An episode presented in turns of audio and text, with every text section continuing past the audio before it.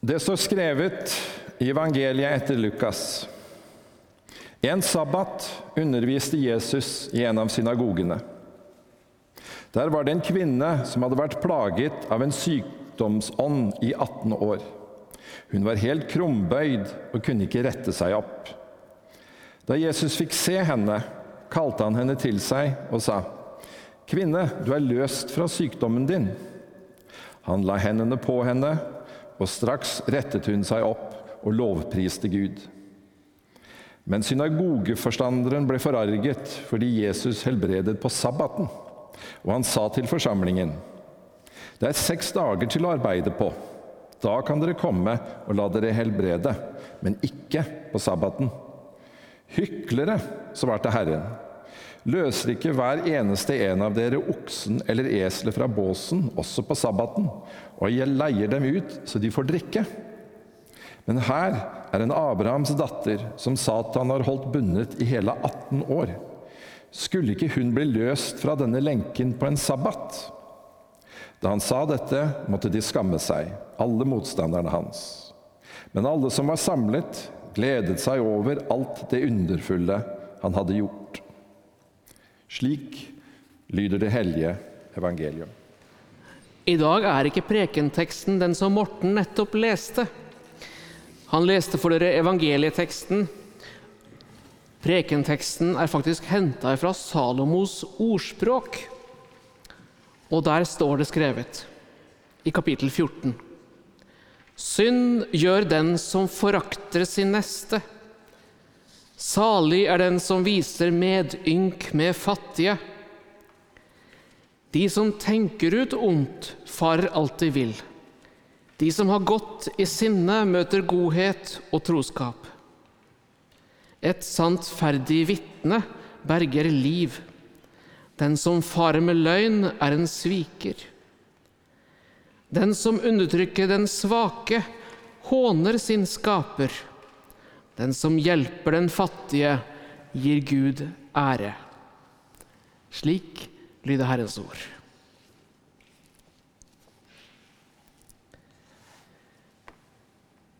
Tida fra nyttår og fram til fastetida før påske kalles for åpenbaringstiden. Vi skal møte bibeltekster som viser oss hvem Jesus er. Hvem er dette lille barnet som ble født? Hvem ble han? Og I dagens tekst så møter vi en handlende Jesus, en Jesus i aksjon. Og vi kalles til å følge hans eksempel. Jesus vil også se oss i aksjon, for det er godt, rett og sant. Kanskje lurer du på ja, hva er egentlig prekenteksten? Var det Jesus eh, som helbreda, eller var det ordspråkene? Det er en dyp sammenheng mellom disse tekstene i dag. Og Kanskje derfor er vi også henvist til Salomos ordspråk, eller Bibelens hovamål vi også kan kalle de. Jesus åpenbarer seg ved å levendegjøre hele Guds ord og fylde. For Det gamle testamentet var Jesu bibel. Det var den han hadde. Det var der han fant ordene og profetiene han skulle oppfylle. Det var der han fant retninga for sitt liv. Og når de første disiplene siden leste Det gamle testamentet, for det var jo bare det de hadde, ja, så leste de ordene med et klarere lys. Og Guds vei og vilje lyste klart mot dem gjennom alle Bibelens skrifter og bøker. 66 i alt med Det nye testamentet. Og Disse gamle visdomsordene ble et lys for deres fot. Og da han helbreda den krumbøyde på sabbaten, så skjønte de dette har vi hørt noe om før. Han avslørte Unnskyld, hoppa jeg litt? Han forakta ikke sin neste, men han helbreda den krumbøyde selv, altså på sabbaten. Han hadde medynk med den fattige. Han hjalp henne selv om noen murra over at det var på feil dag. Og slik ga han Gud ære. Han avslørte synagogeforstanderens tanker om den svake, syke og fattige. For han så ikke det fantastiske i at noen ble helbreda og løst, men mumla noe om at det var feil dag. Men Da kommer det kontant ifra Jesus, hyklere, og gjør en tydelig sammenligning. Hver og en av dere tar jo oksen eller eselet fra båsen, selv på sabbaten, selv når det er helligdag, og leier den ut som får drikke. Skulle ikke jeg hjelpe denne kvinna? Dere behandler dyra bedre enn dere behandler de fattige, refser Jesus. Jesus refsa ofte de skriftlærde og religiøse lederne. Det var ikke fordi de fulgte Det gamle testamentet, og at Jesus kom med noe nytt som ikke sto der fra før. Hans kritikk gikk mer på at de tolka Skriften feil. De så ikke det som var oppe i dagen. De hadde glemt og nedprioritert barmhjertighet og kjærlighet til de fattige og de svake. I Salomos ordspråk finner vi en klar kobling mellom den svake og skaperen. Den som undertrykker den svake, håner hans skaper. Den som hjelper den fattige, gir Gud ære. Dette gjenkjenner jo vi som et viktig budskap i Jesu forkynnelse og Jesu praksis. Vi har lært at dette er sentrum i den kristne tro. Å kjempe mot undertrykkelse og hjelpe der vi kan. Jesus var urokkelig i sin innsats eh, for de svake og sin kamp mot undertrykkere. Om de var seg bevisst at de undertrykte eller ikke, så fikk de høre det av Jesus. Og når han skulle oppsummere hva Guds vilje er for våre liv, så sier han det dere har gjort mot en av mine minste, har dere gjort mot meg. Det dere har gjort eller ikke gjort, har dere gjort mot det selve dommeren. Mot Gud selv, mot meg, sier Jesus. Under dåpen så leste vi, eller leste Else fra eh, Markus om disse mødrene som kommer til Jesus med de små barna. Skrikerungene, ser jeg for meg. Og Disiplene står rundt Jesus som sånn security, sant? og så prøver de å filtrere ja, hvem er det som skal slippe til, og hvem er det som ikke skal slippe til. Hvem er det som er viktig, hvem er det som ikke er viktig? Jeg ser det for meg.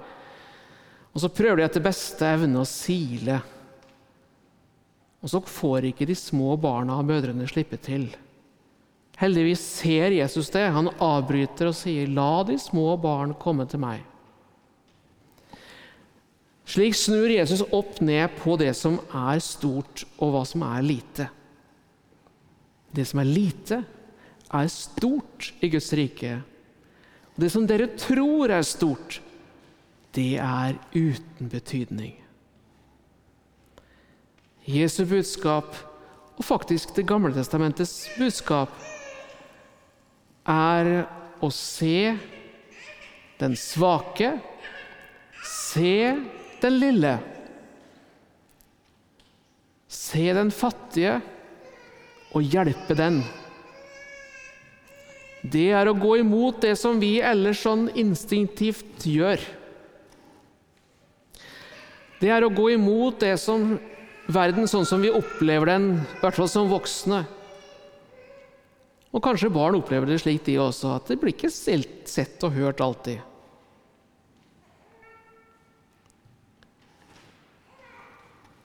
Jesu budskap er Undertrykker du den svake, så undertrykker du, så håner du skaperen. Men hjelper du den fattige, så gir du Gud ære. Ja, det er bra rett å høre de små når de skriker. Da må man gjøre noen ting. Da må man sørge for at de små har det bra. Veldig bra at du gjør det med Gunnar.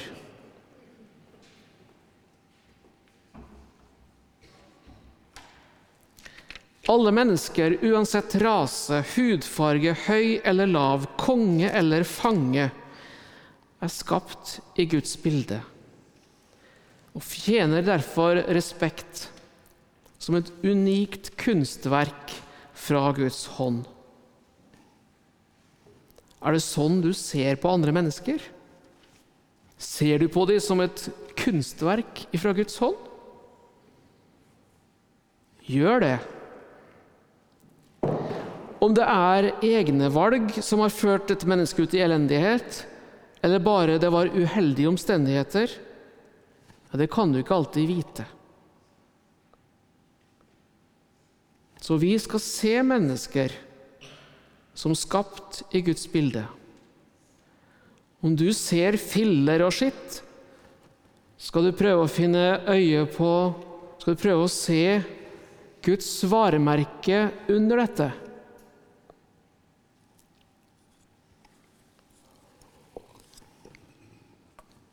Om du ser en forbryter, skal du se et forvilla Guds barn. Om du ser en flyktning, skal du se Guds selv. Joan Osborne har eh, dikta en sang som går i dette temaet. What if God was one of us? Just a slob like one of us? Just a stranger on the bus? Trying to make his way home. Gud ble en fremmed som oss i Jesus Kristus. Og pekte på at vi skulle se vår neste, men ikke bare vår neste, men Gud i vår neste. Den bevegelsen som Jesus skapte, og de som lot seg bevege, til å følge Jesus. Denne bevegelsen og de som lot seg bevege, de ble bare kalt for veien. De som følger veien. For Jesus hadde vist til denne veien hva som var viktig, hva som var riktig, hva som var godt, og hva som var sant. Hva som faktisk var veien til livet, med store bokstaver. De hadde valgt å følge Jesus. Nå fulgte de veien. Og vi er kalt til å følge den samme veien. En svært gammel vei, lærer vi i dag. Når vi til og med kan lære om denne veien i Salomos ordspråk, så går kanskje nesten 1000 år tilbake før Jesu tid. 3000 år gamle ord, eller noe sånt.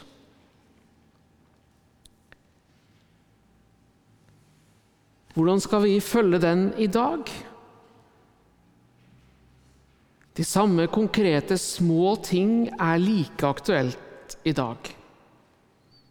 For det handler om hvordan vi ser på våre medmennesker. Og så gir ting seg ut av situasjonen når vi bare ser med det rette blikket. Om vi ser med Jesusblikket, eller om vi ser med denne harde synagogeforstanderens blikk, det er feil dag. Det er feil måte. Det er ikke noe lurt å gjøre det på den måten. Ikke i dag. På NRK så kan du følge Victor Hugos sitt store epos 'Le Miserable', De elendige. Det er både vondt og sterkt å se. Vondt fordi det var så mye uforstand og ondskap hos de sterke.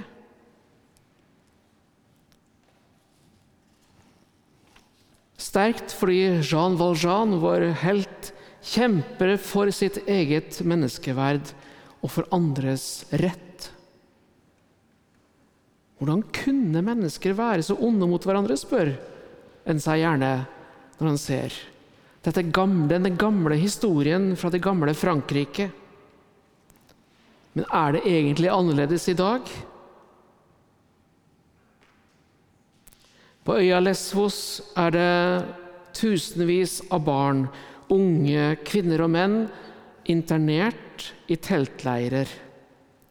De er flykta over Middelhavet og endt opp der. Kanskje har noen vært der. Det er et ferieparadis om sommeren, men ikke nå om vinteren, og ikke i den interneringsleiren. Leger uten grenser rapporterer om forferdelige forhold. Hva gjør vi med det vi vet? Vi hjelper de ikke der de er, står det som en overskrift på nrk.no i dag. Vi holder de fattige fanga på en god armlengdes avstand. Jeg vet det er komplisert, men er det rett? Vi som kristne må våge å stille det spørsmålet. Er det rett? Gjør vi det som er rett, eller følger vi veien? Kampen mot fattigdom og urett er en seig kamp. Jesus selv sa det en gang. De fattige har dere alltid hos dere. Kanskje vil det være sant helt til den dagen han kommer tilbake. Og Den løses ikke, den fattigdomsfloka løses ikke med enkle vedtak, verken her eller på storting eller i EU. Og den løses i hvert fall ikke på en søndag formiddag. Jeg innser det. Men vi utfordres i dag til å se den fattige med Jesu blikk, uten å snu oss, uten å snu ryggen til. Se mennesker skapt i Guds bilde. I dag er det også den internasjonale holocaustdagen. 27. januar. Den 27. januar 1945 kom den russiske hæren til Auschwitz. 113 norske jøder ble deportert til dødsleirene. Og De siste månedene så har det vært en diskusjon, og de som følger med på aviser og nettaviser, har fått den med seg. Visste vi? Skjønte vi? Hvorfor lot vi det skje midt imellom oss? Det var ikke så mange i Norge, men det var da noen. Og her ifra Lillestrøm var det Isak, Ruth, Tibor og Vera. De forsvant alle i Auschwitz og døde der.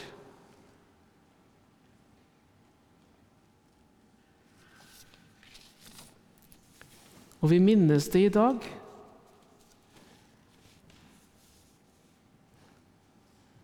Og tenker på at vi også i dag står ansvarlige for vår neste. For de små som vi kanskje ikke legger merke til. Og Jesus utfordrer oss til å følge veien. Og den som gir en bare et glass vann, sier Jesus. Skal bli huska for det. Den som hjelper én, skal bli huska for det. Det gjelder, ikke å stenge, det gjelder å ikke stenge sitt hjerte og ikke lukke sine ører.